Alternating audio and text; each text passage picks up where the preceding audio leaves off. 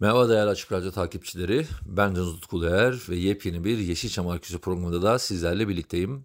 Bildiğiniz gibi 15 günde bir yayınlanıyor programımız ve 15 gün önce çok değerli bir sohbeti yayınlamaya başladık. Ahmet Hizarcı ile birlikte Atlas Post Prodüksiyon e, ofisinde yaptığımız sohbetin birinci bölümünü geçen haftaki pardon 15 gün önceki Yeşilçam Arküsü'nde sizlerle buluşturmuştuk ve şimdi sohbetin ikinci ve son bölümünü de bugün e, yayınlayacağım. E, tabii bu çok değerli bir sohbet oldu çünkü e, bildiğiniz gibi sinemamızda çok fazla restore edilmeyi bekleyen film var. Ayrıca pek çok filmimiz çok kötü durumda. Bazıları kayıp, ne olduklarını bilmiyoruz. Bazı filmler ise çok kötü kopyalarla birlikte internette yayınlanıyor veya VHS kasitlerine hapsolmuş durumdalar. Bu konuyla çok de detaylı ilgilenmemiz gerektiğini düşünüyoruz. Ve tabii ki bu konu üzerine de çok az eğilen insan var. Bu değerli insanlarla elimizden geldiğince görüşerek restorasyon gibi de çok önemli bir konuya değinmiş olduk. Ee, çok önemli bir konu. Ayrıca programın durduğu nokta açısından da çok farklı bir yerde olduğunu düşünüyorum ben. Çünkü biliyorsunuz Yeşilçam üzerine yapılan içerikler genellikle nostaljiden öteye gidemiyorlar. Pek çok insan e, Yeşilçam dendiği zaman genelde ön planda olan isimlerle ya da son dönemdeki modayla böyle geride kalmış olduğunu düşündükleri isimler üzerinden acitasyonla ilerliyorlar ve bu şekilde içerik üretiyorlar. E, hep aynı sorular soruluyor. En fazla üzerinde durulan da bu insanların yaşadıkları acılar ya da e, ilgisizlik üzerinden e, yola çıkılıyor. E, ben özellikle programda bu noktadan gitmemeyi tercih ettim. Aynı soruları sormamaya çalışıyorum. Elimden geldiğince de zaten e, aynı şekilde röportaj yapılmış sanatçılarla görüşmektense o sanatçılar hakkında bilgi toplayan insanlarla ya da e, genelde sinema emekçilerinin de ilgisini çekecek konulara eğilmeye çalışıyoruz programda. Bu açıdan baktığımız zaman da özellikle restore edilmeyi beklenen filmler konusu bence çok önemli. Bildiğiniz gibi pek çok sanatçımız aramızdan ayrıldı ve bir yaprak dökümü var. Zaten belli dönemdeki sanatçıların artık e, son demlerini yaşadığı yıllar. Pek çok isim hem pek çok sinema emekçisi bu filmlerde yaşıyor. Bu filmler e, ileri nesillere, gelecek nesillere aktarıldığı zaman bu sanatçılarımız ölümsüzleşecek. O nedenle biz de Yeşilçam Arkeolojisi'nde elimizden geldiğince bu konuya değinmeye çalışıyoruz. Evet dediğim gibi Ahmet Hizarcı ile birlikte Ahmet Hızarcı ile birlikte yaptığımız sohbetin ikinci bölümü var bu hafta. Çok keyifli bir sohbet oldu. Özellikle restore edilmeyi bekleyen filmler açısından da hepimiz e, bilgileneceğini düşündüğüm bir sohbetti bu. E, hepinize iyi dinlemeler diliyorum. E, 15 gün sonra yeniden buluşacağız ama ilk önce Ahmet Hizarcı ile yapmış olduğumuz sohbeti hep birlikte dinleyelim. Bizim sinemamızın yurt dışında çok fazla tanınmamasının ana sebeplerinden birisi olarak söyleyebilir misin? Şimdi, şimdi şöyle bir durum var çünkü biz 70'lere baktığımız zaman nereden baksanız bir 50-60 tane film hani aksiyon filmleri de dahil. Mesela Cüneyt Arkın'ın çok ortak yapımı olduğu için bu filmlerin pek çoğu aslında orada sinemada gösterilmiş. Yani İspanya'da, Fransa'da, İtalya'da yani bu verilere ulaşabiliyoruz. İngiltere'yi tam bilmiyorum ama İngiltere'de olmuş olması lazım. E, fakat ondan sonraki dönemde günümüze doğru geldiğimiz zaman bu filmlerin hiçbirisi aslında gösterilmemiş gibi yani sanki hiç öyle bir şey olmamış gibi bir duruma gelmişiz. Ve o filmlerin de hiçbirisi şu anda sanırım yurt dışında gösterecek halde değil galiba. Hiçbiri gösterecek halde değil. En son yine 2022 yılı içerisinde biz İstanbul Kanatlarımın Altında filmini restore ettik. Ki yeni film. Ee, yeni sayılır ama yeni sonuçta 35'te bu film. Artık evet. 35 gösterme şansımız olmadığı için. Ee, kopya e, İspanya'dan ki kopyayı getirdik mesela. Daha temiz bir kopya olduğu için. O film çünkü Türk-İspanya ortak yapımıdır. İspanya'da gösterime girmiş bir filmdir. Dolayısıyla İspanya'daki kopyayı getirdik. Ee, daha temiz olduğunu düşündüğümüz için ki öyleydi. Hı. Ve filmi yeniden yaptık şu anda. Ha, nerede gösterecek, ne yapacak onu bilmiyorum şu anda. Ama e, şu anda restore edilmiş hazır vaziyette İstanbul kanatlarının altında var mesela. Bu yurt dışında da bilinen bir bayağı. Ha bundan sonra gösterim olur ya da hangi platformlarda görülür onu ben bilemiyorum ama şu anda daha çok tabii olay platformlara kaydığı için hı hı. belki de e, oralar şu anda ana gösterim mecrası olabilir Türk filmleri için söylüyorum. Şu da var sanırım e, insan pek çok insan projektör de artık kullanıyor evde. Yani televizyon yerine filmleri evdeki kendi sistemlerini projektörle de izliyor. Evet Maalesef e, 90'ların ortası ve sonundaki olan DVD'lerimizin pek çoğu da o projektörlerde de gösterildiği zaman e, e, doğal çünkü o zaman onlar e, tüplü televizyonlara göre yapılmış şeyler. Sonuçta çözünürlükleri çok düşük. PAL 720 evet. 576 piksel PAL'dir. Dolayısıyla daha yüksek olmadığı için de çoğu, büyük çoğunluğu hatta. E, dolayısıyla onlar bugünkü gösterim sistemlerinin çok altında kaldığı için elde edilecek sonuçlar da göz, görüntü açısından çok iyi değildir zaten. Ki bu filmler restore edilmiş değildir. Evet. Telesine edilmiş. Evet. Video sinyaline çevrilmiş filmlerdir. Hazır... Dijitalle çevrilmiş değildir aslında. Onlar. O zaman hazır... Belki orada öyle bir ayrım da koymak gerekiyor. Hazır uzmanını buldum. Evet, şu sorumu da sorayım. VCD hakkında ne düşünüyorsunuz? Bir ara e, VCD, format olarak. şu anda sizin izlediğiniz o DVD'nin de yarı dörtte bir ölçeğidir. Neredeyse yani. Ma- maalesef şu anda e, arşivimizin bir kısmı aslında e, VCD'de. Özellikle evet, koleksiyonlarda. Bir kısmı VCD'de evet. Sonra DVD çıktığında bunların çoğunun tekrar DVD'si yapıldı. Önemli bir bölümü yapıldı. Ama VCD'den aktarmışlar gibi geldi daha çok. MPEG 4 sanırım MPEG formatı. 4 ise iyi daha ne olsun MPEG 4 bugün şimdi gösteri formatı sayılabilir. Ama çok fazla filmimiz mesela VCD'de. MPEG 4 değildir onlar. MPEG 1'dir VCD. MPEG 1 de doğru. MPEG VCD'ler 2. MPEG doğru 1'dir. özür dilerim 4 değil. DVD'ler MPEG 2 formatıdır. Şu anda bizim sıkıştırılmış bilgisayarlarda kullandığımız ise MPEG 4'tür. Tamam ben özür dilerim orada. Ee, MPEG 2 olması gerekiyor evet, maksimum. MPEG 2 DVD. Ama o da 720 576 pikseldir o çözünürlüğü. MPEG 4'ü siz istediğiniz ölçülükte yapabilirsiniz ama 4K'da yapabilirsiniz. MPEG 4 HD de olabilir. Ama MPEG 1'e gelince o VCD formatıdır. En düşüğü de odur işlerin. Peki siz ne düşünüyorsunuz? Şimdi Türk sineması koleksiyonerleri de var. Yani evet. bence hani VHS koleksiyonu yapanlar da var, DVD koleksiyonu var, Blu-ray. E, fakat ister istemez VCD'lere sahip olanlar var ki VCD'lerin yine evet aktarıldı DVD ama mesela VCD'de 2000 tane basılmışsa DVD'si 500 tane basılmış ya da satılmış gibi gözüküyor. Bir dönem öyleydi. Sağ sonra VCD tamamen kalktı. DVD'si daha çok basıldı. Tabii. Yani biz o dönem e, hatırlıyorum 3000'e yakın DVD mastering'i yaptık mesela. Peki ne düşünüyorsunuz? Hani bu da şimdi Türk sinemasını seven Ondan insanlar daha fazla da VCD mastering'i yaptık. Yani koleksiyoner de var. Fakat evet. koleksiyonerler de talep etmiyorlar aslında daha iyisini sanırım gibi gözüküyor. Şimdi şöyle o koleksiyon meselesi biraz farklı bir şey. Koleksiyonerler en niş ürünü 3 kişinin seyredeceği filmi bile talep edebilirler. Ama bu endüstriyel değil. Bunun bir e, şeyi yok getirisi olmadığı için de dolayısıyla insanlar bunu daha iyisini koleksiyonerlere sunmak gibi bir arzuları olamaz. Bu kadar filmi yeniden bir şey yapmak zaten çok zor bir şey. Dolayısıyla koleksiyonerler ne yazık ki ellerindekine sahip olmak zorundalar. Yetinmek zorundalar. Yapacak bir şey yok. Koleksiyonerden talep yok gibi gözüküyor ama. Koleksiyoner kaç kişi var ki? İşte yani Türkiye'de belki de Varız da sayımız az yani. Öyle. yani bir baskı grubu da değil zaten. Yani. Şöyle bir şey vardı daha önceden. Ee, özellikle çok böyle e, azılı koleksiyonerler diyeyim. Mesela ben de VCD ya da DVD olduğunu söylediğim zaman bana derdi yani işte sen film koleksiyoneri değilsin. Çünkü bir film koleksiyonu olmak için işte 35 milimetresine sen sahip olman gerekiyor gibi bir yaklaşım vardı aslında. 35 milimetresine sahip olma ihtimali son derece düşüktür. Tabii. Herhangi birisinin. Çünkü bu ancak yapımcının elinde bulunabilecek bir kopyadır. E, sonuçta bunların da sayısı bir ya da ikiyi geçmez.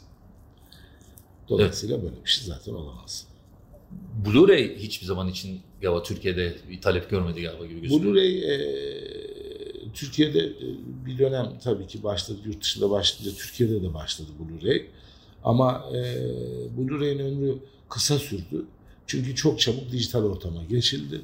Orada izlemeye başladı herkes. Blu-ray'i satın almak maliyetli bir şey haline dönüştü. Dolayısıyla da Blu-ray'in ömrü dünyada da zaten kısa sürdü. Peki şu anda restore yapılırsa o zaman e, bunun bir koleksiyoner objesine dönüşmesi şu anda öyle bir şey ben Yok. filmlerde pek görmüyorum. E, çünkü bu kopyayı üretmek de artık bir şey halinde.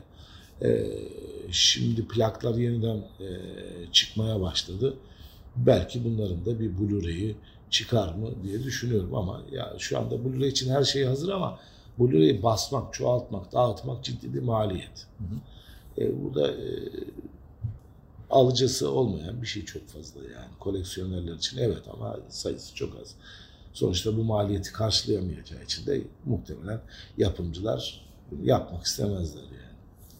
Son dönem çünkü yani temizlenen film sayımız arttıkça aslında şöyle düşünüyorsunuz. Bunlar da artık koleksiyonerler de ulaşır diyorsunuz Çok ama yok. değil. Yani gerçek anlamda restore edilmiş e, filmlerimizin sayısı çok yok. Yani toplasanız 40'ı geçmez. Yani. Ya 50 bile değil diyorsunuz. Gerçek Bu, anlamda diyorum. Dijitalize anladım. edilmiş, dijitale aktarılmış filmden söz etmiyorum. Zaten artık yani ben de bu e, tanıma daha dikkat edeceğim. Çünkü kendim de işte restore edilmiş film diyordum. E, fakat filmlerin mesela bazı filmler var çok pastel tonda geliyorlar bana. Ee, ve bunların bir daha elden geçirmesi gerektiğini o düşünüyorum. O tonların neden doğru öyle olduğunu ya da neden olmaması gerektiği konusunda bir şey söyleyemem. Çünkü o filmin üzerinde bir çalışma yapmış olmam lazım. Hem dönemsel olarak ya da filmin orijinal negatifini falan görmüş olmam lazım. Doğru söyleyebilmek için. Ama şimdiki yapılanlarda önemli bir teknik problem var.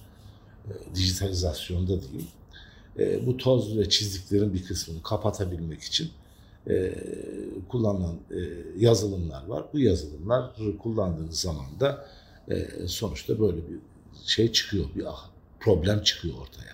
Bu da hızlı ve hemen yapıp işte e, bir yere koymak için yapılan şeyler sonuçta. Bu bir restorasyon değil, o bir dijital aktarma işlemi yani. Dolayısıyla o renklerin öyle olması da normaldir. E, hızlı bir yöntem sonuçta. Onun için bir şey diyemem yani. Bizim yaptığımız bir tarz değil bu çünkü sonuçta. Anladım anladım. Kadın Hamlet'in restore edilmesi çok önemli bence. Evet. Ben birazcık da bu yurt dışında kült haline gelen filmlerimizi araştıran birisiyim. Onların peşinde koşuyorum. Ve biraz da yurt dışında bazı filmlerimizin özellikle Türkiye'de yurt dışında daha fazla ilgi göreceğini düşünüyorum ben. O yurt dışında ilgi gördüğü zaman Türkiye'de tekrar değere binecekler gibi gözüküyor. Bu filmler içerisinde bir tanesi de Kadın Hamlet. Evet. Yani bilmiyorum siz e, tabii filme artık kare kare uğraştığınız için artık filmle evet. herhalde aranızda bir farklı bir ilişki doğmuştur. E, genelde evet oluyor. Zaten öyle başlıyoruz. Filmle öyle bir bağımızın olması gerekiyor önce. Hı hı. Ki sonra yapacağımız işlemin de aynı duyguyla yürümesi gerekiyor. Ta başında olması gerekiyor.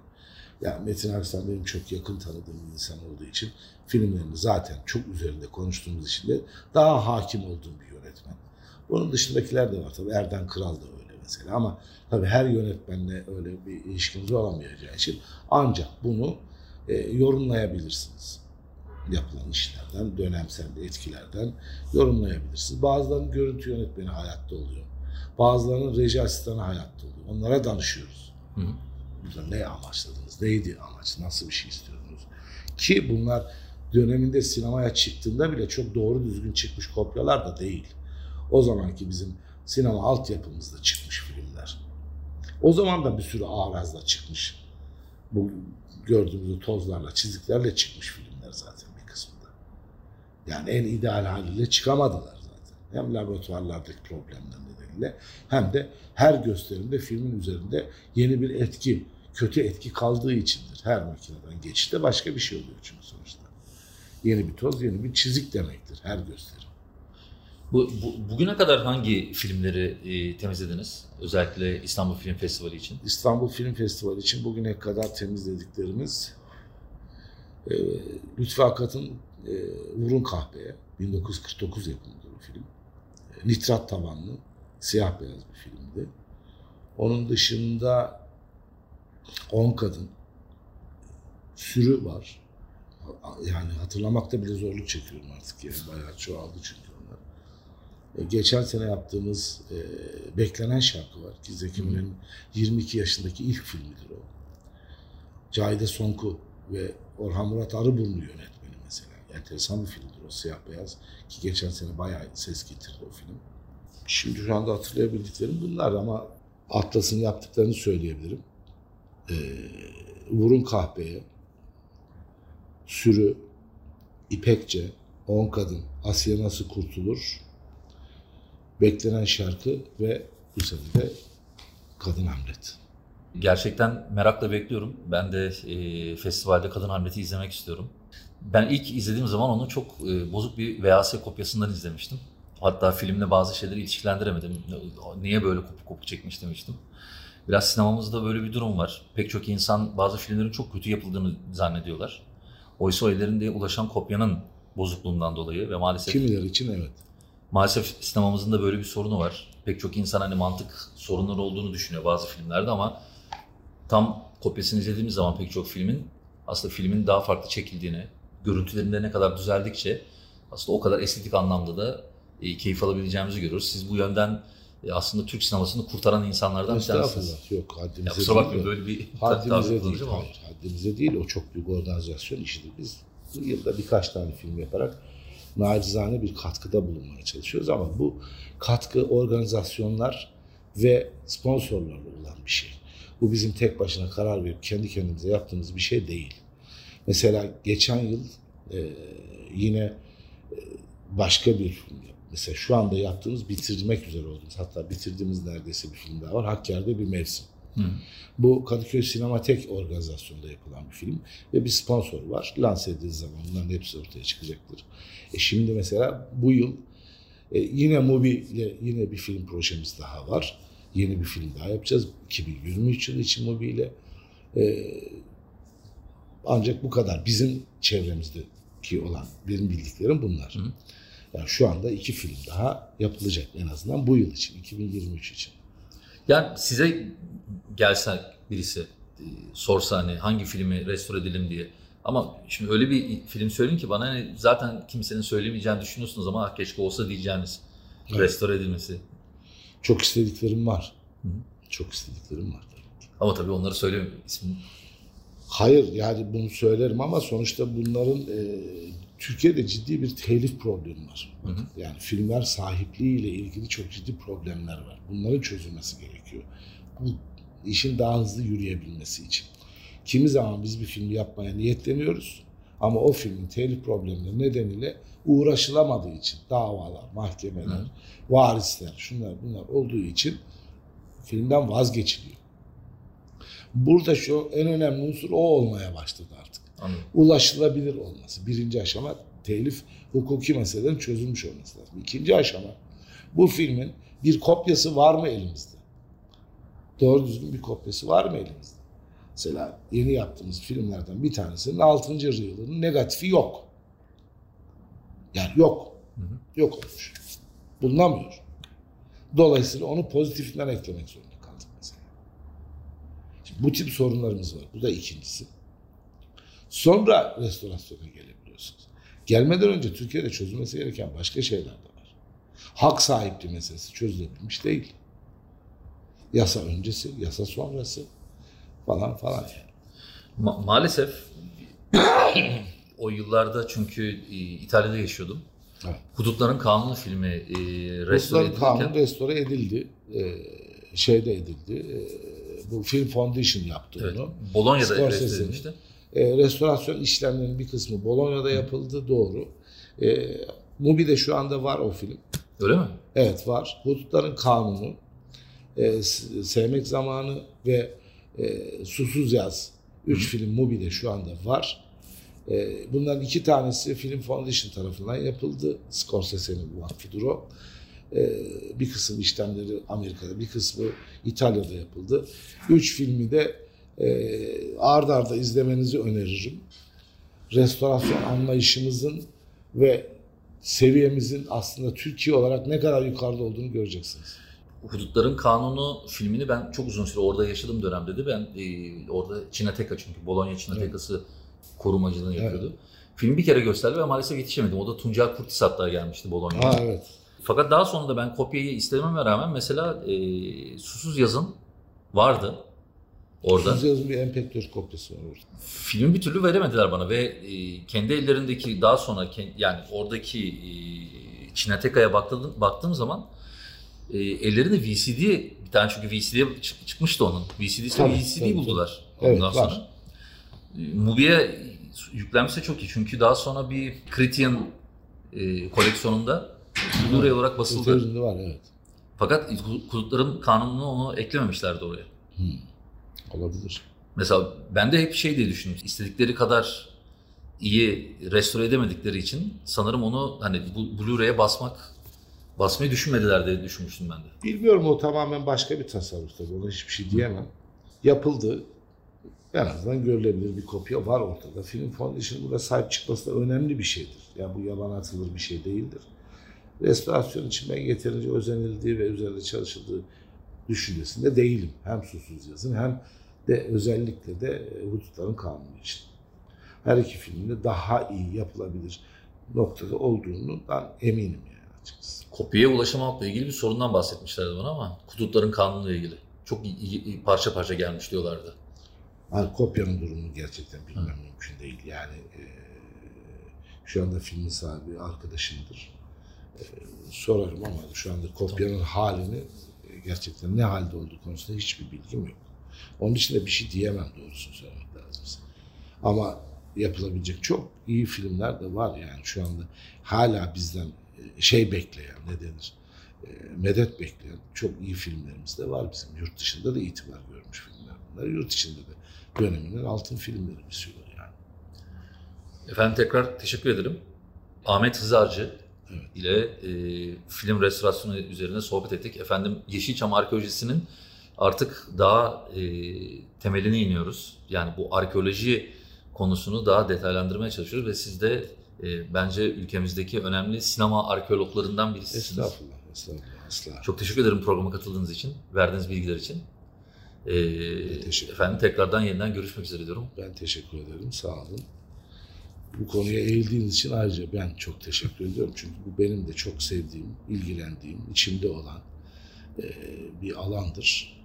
Bu kişisel bir şey aslında bakarsanız. Yani bu e, Türk sinemasındaki bu filmlerin yok olup gitmesi, kaybolması gerçekten benim de çok içimi acıtıyor. Ha burada ne katkı verebiliriz, ne yapabiliriz? Önemli olan bu.